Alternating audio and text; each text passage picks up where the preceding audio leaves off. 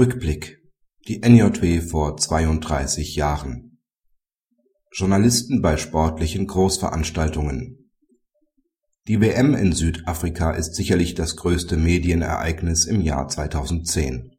Tausende Journalisten werden aus den südafrikanischen Stadien berichten.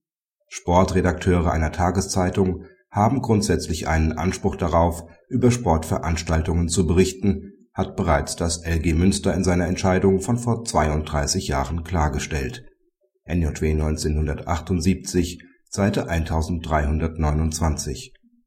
Das gegenüber einem Journalisten vom Verein ausgesprochene Platzverbot stellte nach Auffassung des Gerichts eine unzulässige Einwirkung auf die Arbeit eines Sportredakteurs dar und war daher nicht mit Artikel 5 Grundgesetz zu vereinbaren Dagegen können Veranstalter aufgrund ihres Hausrechts Pressevertreter von der Teilnahme an den Pressekonferenzen ausschließen.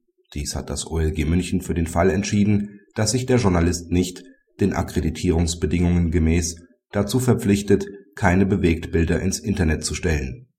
Zu dieser und zu 40 weiteren Entscheidungen im Fußball zwischen der EM 2008 und der WM 2010 Vergleiche NJW 2010, Seite 1703 in diesem Heft